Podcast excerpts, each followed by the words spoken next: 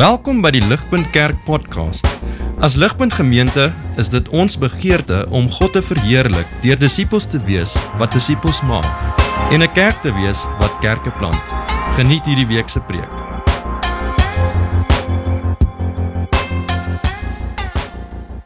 Vriende, so die ryk jong man het Jesus goed genoem. Ehm um, en Jesus het gesê niemand is goed behalwe ehm um, God self nie. Nou ek wil hê ons moet 'n bietjie vir 'n oomblik dink, hoe sal jy jouself kategoriseer? Hoe voel jy oor jouself? Sou jy wat sou jy van jouself sê? Sou jy sê jy's 'n goeie persoon? Ehm um, dink ek gaan jou oomblik gee om oor te dink. Sou jy sê en eerlik te wees, sou jy sê jy is 'n goeie persoon?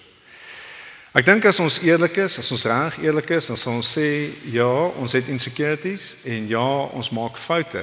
Maar diep binne is ons werklik 'n goeie persoon. Ons dink ons is redelike goeie mense. Die probleem is, ehm, um, wat 'n maatstaf gebruik ons om om te sê of ons goed is of nie? Wat is ons maatstaf?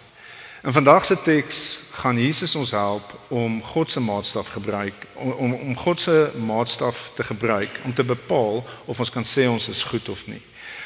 Ehm um, want ons wil weet wat God se standaard is vir die ewige lewe. Dit is belangrik vir ons om die konteks van hierdie gedeelte te verstaan. Ons spring hier in Markus 10 in en so dis vir ons belangrik om die konteks te verstaan sodat ons kan verstaan wat Jesus hierso sê. En so in die konteks van Markus, Markus 1 tot 8 het Jesus aan die disippels bewys dat hy die beloofde koning is, die beloofde verlosser koning wat die wêreld sou kom red soos wat God beloof het. Die disippels het saam met hom beweeg en die disippels het sien hoe hy bose geeste uitdryf, hoe hoe hy siek mense genees. Verlede week was ons in Markus 2 en toe Johan vir ons gewys hoe Jesus die lamman genees het om die punt te maak dat hy sondes kan vergewe. Ehm um, sy disippels het gesien hoe hy op op 'n geweldige storm, 'n vreesaanjaende storm met 'n woord die see bedaar. Ehm um, en sy disippels het ook gesien hoe Jesus Jairus se dogtertjie uit die dood uit opwek. So sy disippels het sy mag eerstehands beleef. Hulle het geen illusie dat hy God se verlosser koning is nie. Daar's by hulle geen vraag daaroor nie. Wat hulle mee sukkel op hierdie stadium is wat se tipe koning Jesus is. Hulle sukkel om te verstaan wat Jesus kom doen. Hulle wil nie glo dat iemand met soveel mag moet sy lewe neerlê om mense te kan red nie. En hulle verstaan ook nie dat sy disippels as hulle gered word, moet hulle hulle kruis ook optel en hom volg en hulle lewens neerlê nie. Hulle verstaan dit nie. In hoofstuk 9 die disippels is al 'n geruime tydjie saam met Jesus, maar hulle verstaan dit nie want in hoofstuk 9 probeer hulle nog uit te vind wie is die belangrikste. Hulle probeer te kompeteer om die belangrikste te wees. Hulle verstaan nie die koninkryk van God nie. Ehm um, in hoofstuk uh 10 vers 13 tot 16 wat wat Delien vanoggend vir ons gelees het, sien ons dat Jesus sê vir hulle, as julle nie na my toe kom soos nederige kinders, totaal afhanklik van my nie, dan kan julle nie deel hê in die koninkryk van God nie. En so dis die konteks waar binne die ryk jong man na Jesus toe kom en vir hom kom vra wat kan ek doen om die ewige lewe te beerf? Vers 17 um, is die insident begin die insident waarby ons vanoggend gaan stil staan. En so kom ons lees dit saam. Vers 17 sê toe Jesus uitgaan om die reis te hervat, hardloop daar iemand na hom toe, kniel voor hom en vra hom: "Goeie meester, wat moet ek doen om die ewige lewe te kan erf?" Nou, ons gaan vir 'n oomblik by hierdie man stil staan en so 'n bietjie sy karakter probeer verstaan. Ehm um, as ons kyk na wat wat ons kan leer uit hierdie teks uit, dan sien ons dat die man verstaan wat die belangrikste vraag is en hy verstaan wie die persoon is om dit voor te vra. Hy kom by Jesus aangehardloop en hy sê vir hom ehm um, wat kan ek doen om die ewige lewe te beerwe? Nou dis die belangrikste vraag wat mens kan vra. Ehm um, en hy het ook gesien, hy het waarskynlik gesien dat Jesus baie meer weet van die koninkryk van God as enigiemand anderste. So ons leer van die man dat hy's wys. Hy's wys om na Jesus toe te kom en hierdie vraag te vra. Lukas hierdie insident is in uh, meer as een van die evangelies en so in Lukas se evangelie noem hy die man die ryk jong maghebber. Ehm um, en so ons ons weet van die groter konteks van die Bybel af dat hierdie ou het geweldige invloed gehad. Ehm um, maar as ons mooi in die detail kyk in vers 17, dan sien ons die man het aangehardloop gekom en hy het gekniel voor Jesus. En so wat ons kan sien van die man is hy's nederig. Hy's entoesiasties en hy's nederig. En die manier waarop hy met Jesus te werk gaan, kan ons sien hy's mensvaardig. Ehm um, en so wanneer Jesus dan in vers 21 stip na hom kyk en hy sê vir hom ehm um, in die teks sê vir ons dat Jesus het hom lief gekry, dan weet ons hierdie man is nie 'n verwaande hipokrit nie. Hy's nederig. Want Jesus was hard op verwaande ouens, maar Jesus is sag op hierdie ou. Hy kyk na hom en hy's lief vir hom. En so wat leer ons van hierdie ou? Ons weet hy's 'n opregte ou. Ons weet hy's 'n nederige, wyse, suksesvolle, aangename ou. Ek dink as ons na hom sou kyk en ons meet hom met met ons standaard, dan sou ons sê hierdie is 'n goeie ou. Hierdie is so goeie ou soos wat jy kry. Ek dink meeste van ons sal dankbaar wees as ons seun so sou uitdra soos hierdie ou. Ehm um, hy's 'n goeie ou. En so Jesus kyk na hom en hy antwoord hom. Jesus kry hom lief en hy antwoord hom sodat hierdie ou kan verstaan hoekom goed nie goed genoeg is nie. Ehm um, Jesus help hom om te sien dat niemand goed genoeg kan wees om die ewige lewe te kry nie. En Jesus help hom ook om te sien waar sy hoop werklik is. En so Jesus help hom om God se standaarde te verstaan in vers 19. Lees asseblief saam met my. Vers 19 sê hy antwoord Jesus: "Om jy ken nie gebooie. Jy mag nie moord pleeg nie, jy mag nie egbreek pleeg nie, jy mag nie steel nie, jy mag nie vals getuig nie, jy mag nie bedrog pleeg nie. Eer jou vader en jou moeder." Maar hy antwoord hom: "Meester, al hierdie dinge het ek van jongs af nagekom." Sien hierdie ou is genuine goeie ou. Hy is selfs die gebooie onderhou ten minste in sy verstaan van die gebooie het hy die gebooie van jongs af onderhou. Um, maar Jesus help hom om te sien dat hy nie heeltemal die 10 gebooie verstaan nie. Sien, hy het waarskynlik nie in gedagte gehad dit wat Jesus in die bergpredikasie gesê het nie. Jesus het in Matteus 5 vir ehm um, vir vir sy disippels gesê dat die wet is nie net 'n uiterlike ding nie, dis 'n innerlike ding. In Matteus 5 vers 21 het Jesus vir vir hulle gesê: "Julle het gehoor dat aan voor, aan julle voorouers gesê is: Jy mag nie moord pleeg nie en wie um, moord pleeg is strafbaar in die reg. Maar ek sê vir julle dat elkeen wat kwaad is vir sy broer, is strafbaar voor die reg." Sien is baie dieper as bloot net 'n oppervlakkige gehoorsaamheid.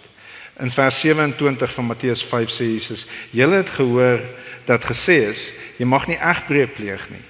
Maar ek sê vir julle elkeen wat na 'n vrou kyk en haar begeer, het reeds in sy hart met haar egbreek gepleeg. Sien die man het waarskynlik sy amazing ou en hy het oppervlakkig het hy die die gebooie onderhou. Ehm um, maar in sy hart het hy geval net soos elkeen van ons. Ehm um, en wat die ou eintlik ook moes doen want dit is 'n is 'n goeie leermeester. Jesus help die ou om sy hart op 'n nog dieper vlak te sien. Want wat die ou moes agterkom is Jesus het net die een kliptafel vir hom opgehou en vir hom gesê, um, jy ken die 10 gebooie. Hy het net die een kliptafel opgehou. Die een wat hy nie opgehou het nie, gaan oor God. Kom ons sit net die twee kliptafels op, laat ons kan sien wat die verskil is tussen die twee. Die die groen kant, die tweede kliptafel gaan oor ons liefde vir ons medemens. Die blou kliptafel, die eerste een gaan oor ons liefde vir God. Jy mag naas my geen ander gode hê nie. Jy mag nie vir jou gesneede beeld maak nie. Jy mag nie voor hulle in aanbidding buig nie en jy mag hulle nie dien nie. Sien wat die jong man nie besef het nie, is sy hart was ver van God af. In sy hart het hy 'n ander god gedien. In sy hart was sy redding die feit dat hy 'n goeie ou was en dat hy vir homself kon sorg onafhanklik van God deur sy geweldige welvaart wat hy gehad het. Sy rykdom het hom verblind. Sy rykdom het hom blind gemaak vir wat hy werklik nodig gehad het. En hy besef dit nie en daarom help Jesus om hom te verstaan. Jesus sê in vers 21, ehm um, sê sê die Bybel vir ons, Jesus het stip na hom gekyk en hom liefgekry en vir hom gesê: "Een ding kort jy. Gaan verkoop alles wat jy het en gee dit vir die armes en jy sal 'n skat in die hemel hê. En jy kom hier en volg my." Maar hy het neergedruk geword oor hierdie antwoord en bedroef weggegaan want hy het baie besittings gehad. Sien, dit het hierdie man gehelp om te besef dat sy skatte op aarde maak dat hy nie 'n skat in die hemel het nie. Verlossing vir hierdie ou sou wees om sy hart te draai van sy skatte op aarde na God toe. Weg van geld na God. En die hartseer ding is die ou sien nie kans daarvoor nie. Hy het nie die moed om God te vertrou eerder as sy skatte nie. Nou as ek moet eerlik wees, ek verstaan die aantrekkingskrag van geld. Ek dink ons almal doen. Ek dink ons almal verstaan hoe sterk die aantrekkingskrag van geld is, want geld kan vir ons 'n veilige huis vir ons kinders kry. Geld kan ons help om vir ons kinders en vir ons gesinne baie opsies oop te maak. Um, geld help ons om nie te hoef te bekommer nie. Geld help ons met mediese dinge wat oor ons pad kom. Geld help ons. Um, en geld help ons om die lewe te kan geniet in 'n klomp opsigte wat ons nie kan doen as ons nie geld het nie. En so natuurlik trek geld aan ons harte. Natuurlik. Um, maar geld is nie 'n redder nie. Geld is nie 'n god nie. Geld kan niks vir ons doen nie. Geld kan niks vir ons lewe doen. Dit kan nie vir ons lewe gee nie. Dit kan ons lewe in 'n sekere sin 'n klein bietjie makliker maak vir 'n kort tydjie, maar geld kan ons nie red nie. Inteendeel, geld kompeteer met ons redding. Geld maak ons blind. Geld maak dat ons harte op 'n ander plek is by as by God. En so geld is vir ons 'n geweldige bedreiging. Ehm um, geld kan vir ons 'n afgod wees. En afgode vernietig ons. Afgode help ons nie, afgode vernietig ons. Ehm um, en om agter geld aan te hardloop of om te lewe vir 'n ander afgod is om ehm um, vir God te beledig.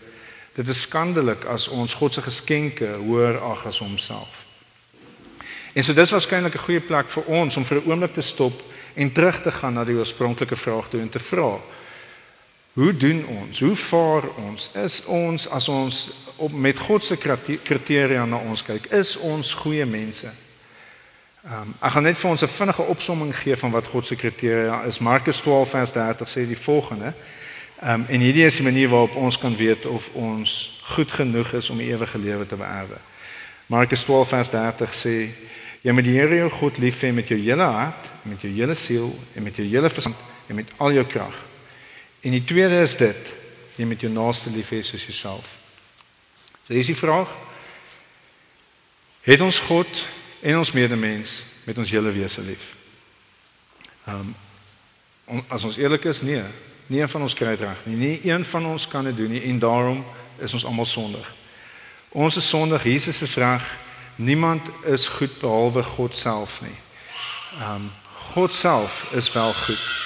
Want God het ons so lief en ons kort sy redding. Ons kort nie die redding, die tydelike verlossing wat geld ons kan bied nie. Ons kort ewige redding wat God ons kan bied.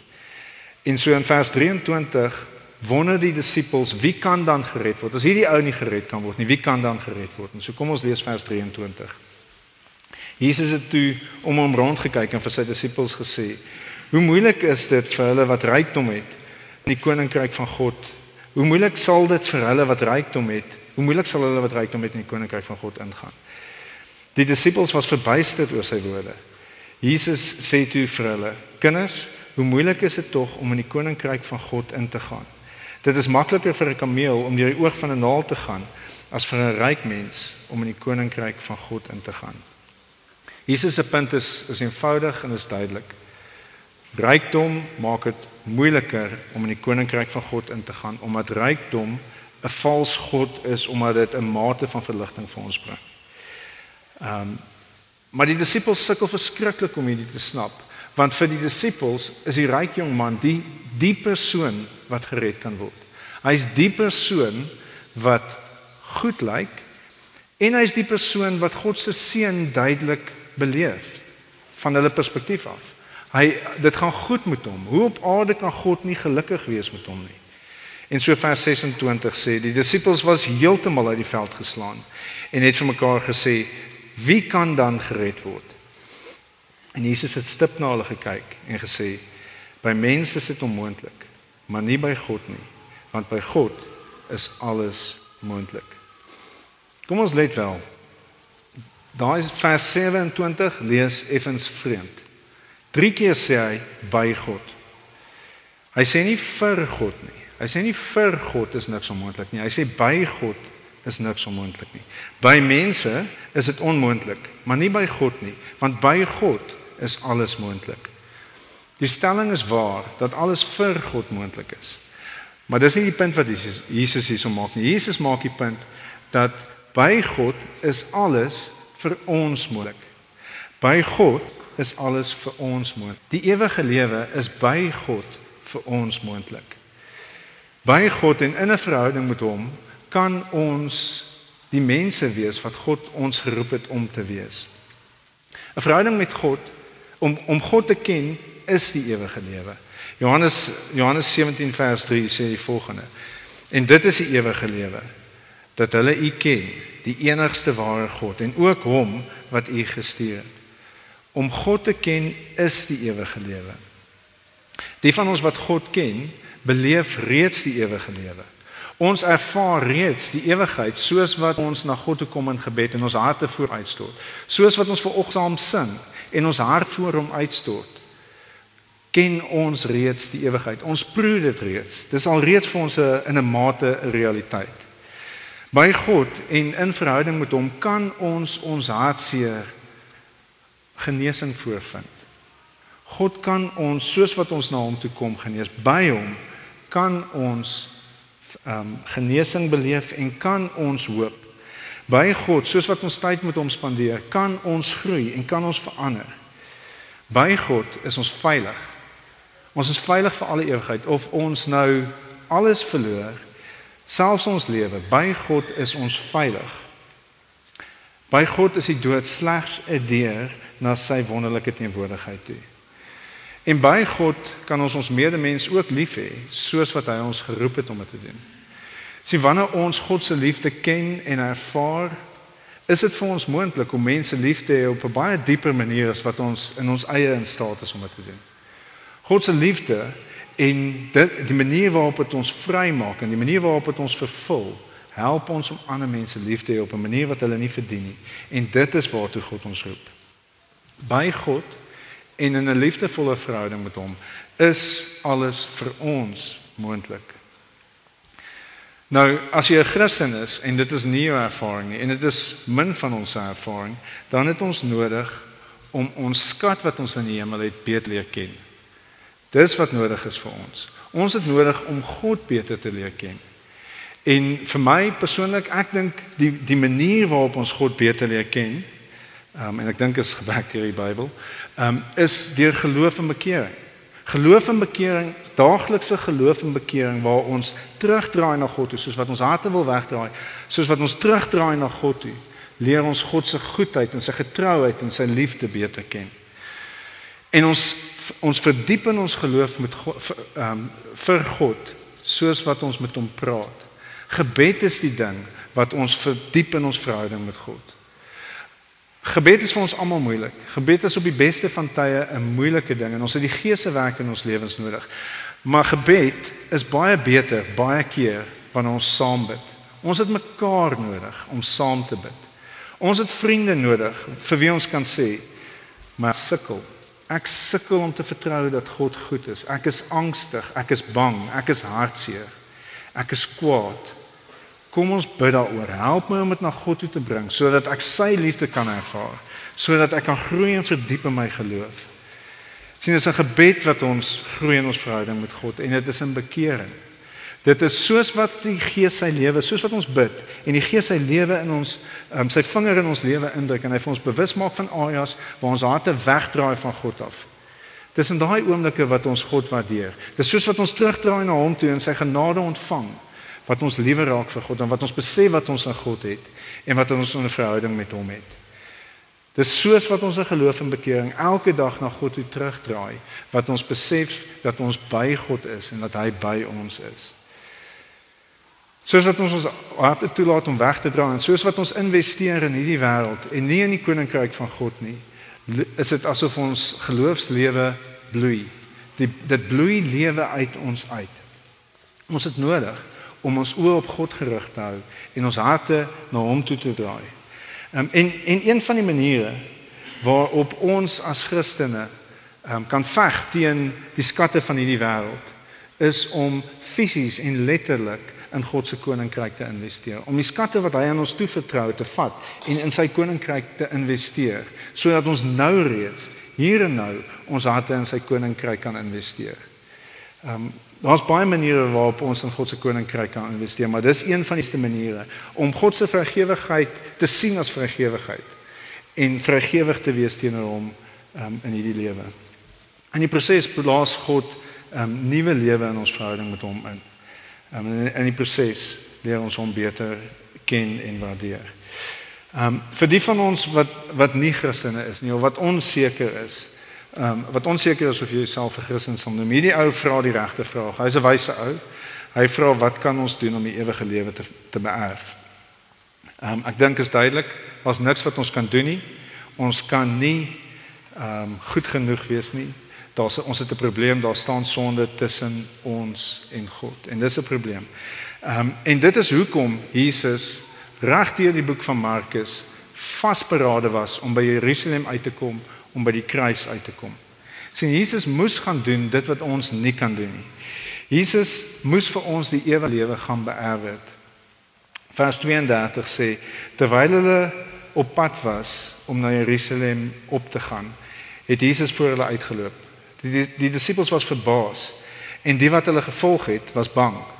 Hy het 12 keer hy het die 12 weer op sy geneem en begin om vir hulle te vertel van die dinge wat met hom gaan gebeur.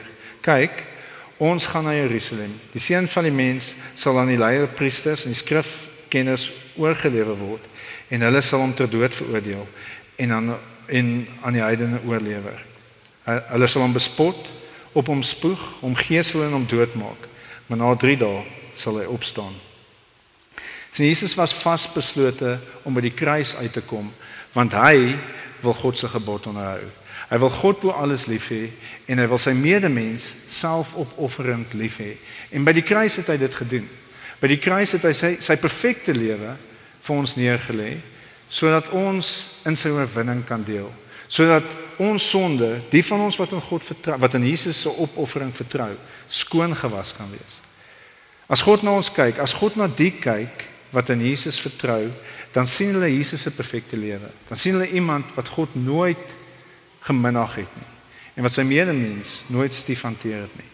Wat altyd gehoorsaam was. As ons in Jesus vertrou, dan is dit hoe God ons sien en dan kan ons met to totale vrymoedigheid by God wees dan is ons by God.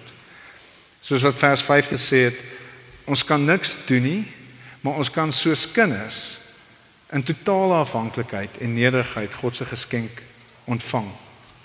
Vers 15 sê amen, ek sê vir julle, wie die koninkryk van God nie soos 'n kindjie ontvang nie, sal beslis nie daarin gaan nie. sien om om by God te wees, om in 'n verhouding met hom te kan wees. Aan die een kant kos dit ons niks nie. Daar's niks wat ons kan doen nie. Jesus het alles reeds vir ons gedoen. Maar aan die ander kant kos dit ons alles. Want nou as ons Jesus vervolg as ons verlosser en koning, dan lewe ons nie meer vir onsself nie. Dit kos ons ons hele lewens want ons lewe nou vir Jesus en vir sy koninkryk. En dis radikaal. Dis geweldig radikaal om so te lewe. Ehm um, en die disippels verstaan dit. Hulle verstaan wat Jesus sê en daarom vra Petrus in vers 28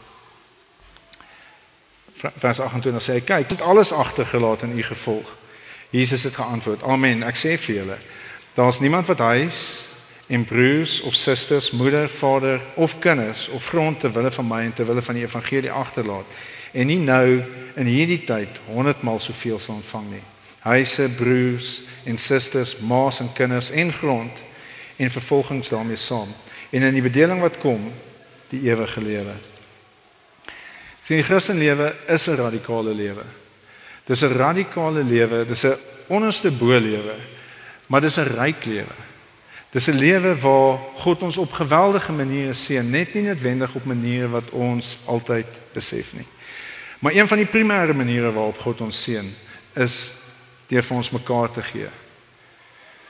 Mekaar. Dit is wat wat in vers 30 staan. Huise, broers en susters, ma's en kinders en grond en vervolgings daarmee saam. Maar dit is 'n baie groot manier waarop God ons in hierdie lewe 100 keer meer gee as wat ons prys gee. Deur mekaar. Nou mekaar voel nie altyd dit voel nie altyd so wonderlik nie. Ehm um, ons maak mekaar seer, ons is sondig. Maar daar is tye ehm um, en kan ek maar net eerlik sê, ek is baie lief en vir mekaar Um, en baie dankbaar om deel van hierdie geloofsgemeenskap te kan wees. Um, en ek is besonder dankbaar in hierdie seisoen waarin ons nou is om deel van van hierdie geloofsgemeenskap te kan wees. Um Vrydag by Vrydag se gediens was dit tasbaar hoe lief God vir hierdie gemeente is en hoe goed hy vir ons is. En die manier waarop daar soveel mense was wat hulle lewens neergelê het vir Groewe. En daar was daar dit was so duidelik sigbaar dat Groewe sy lewe neergelê het vir die mense rondom hom. God is goed vir ons wanneer ons dit kan sien, wanneer wanneer ons dit kan proe en wanneer ons 'n uh, 'n voorsmaakie van die ewigheid kan hê hier op aarde. En dit is wat ehm um, dit is wat God vir ons gee. Hy gee vir ons mekaar. Hy gee vir ons die vermoë om die ewigheid nou reeds hier te proe, soos wat ons 'n gemeenskap van mense is wat vir hom lewe en wat hom graag ehm um, eerste wil plaas in ons lewens en wat wat ons lewe wat bereid is om ons lewens vir mekaar neer te lê. Ek sluit vir ons af. Die jong man, ehm um, die wyse jong man het gevra wat kan hy doen om die ewige lewe kry? En die antwoord is hy kan nie goed genoeg wees nie. Wat vir hom aan die pad staan is sy skatte in hierdie wêreld. Ehm um, wat hy wat hy gesukkel het op daai stadium en en kom ons hoop hy het later in sy lewe tot sy sinne gekom, maar wat hy gesukkel het om te doen is om sy hart te skuif van dit wat vir hom kosbaar was in hierdie wêreld na dit wat kosbaar is in die hemel. Hy het gesukkel om God lief te hê en Jesus te volg en Jesus se opoffering vir hom ehm um, te vat as 'n geskenk. Ehm um, en en en ons moet soos wat ons vanoggend hier staan, ehm um, as ons Christene is, kom ons investeer in ons skatte in die hemel. Kom ons hou op om ons lewens af te lê vir 'n lewe wat ehm uh, wat hier en nou is en wat geweldig verganklik is soos wat ons bewus is van. Hierdie lewe is geweldig verganklik. Kom ons investeer in die lewe wat kom. Ehm um, en vir die van ons wat onseker is, hoekom kom ons nie na God toe nie? Hoekom praat ons nie met hom nie? Lees sy woord. Praat met hom in gebed, jy kan. Ehm um, vra hom om homself aan jou te openbaar en vra hom om jou te help om te sien hoe goed dit is om by hom te wees. Vra hom om sy seun se liefde joune te maak. Kom ons um, vra dat God dit sal doen. Kom ons bid saam.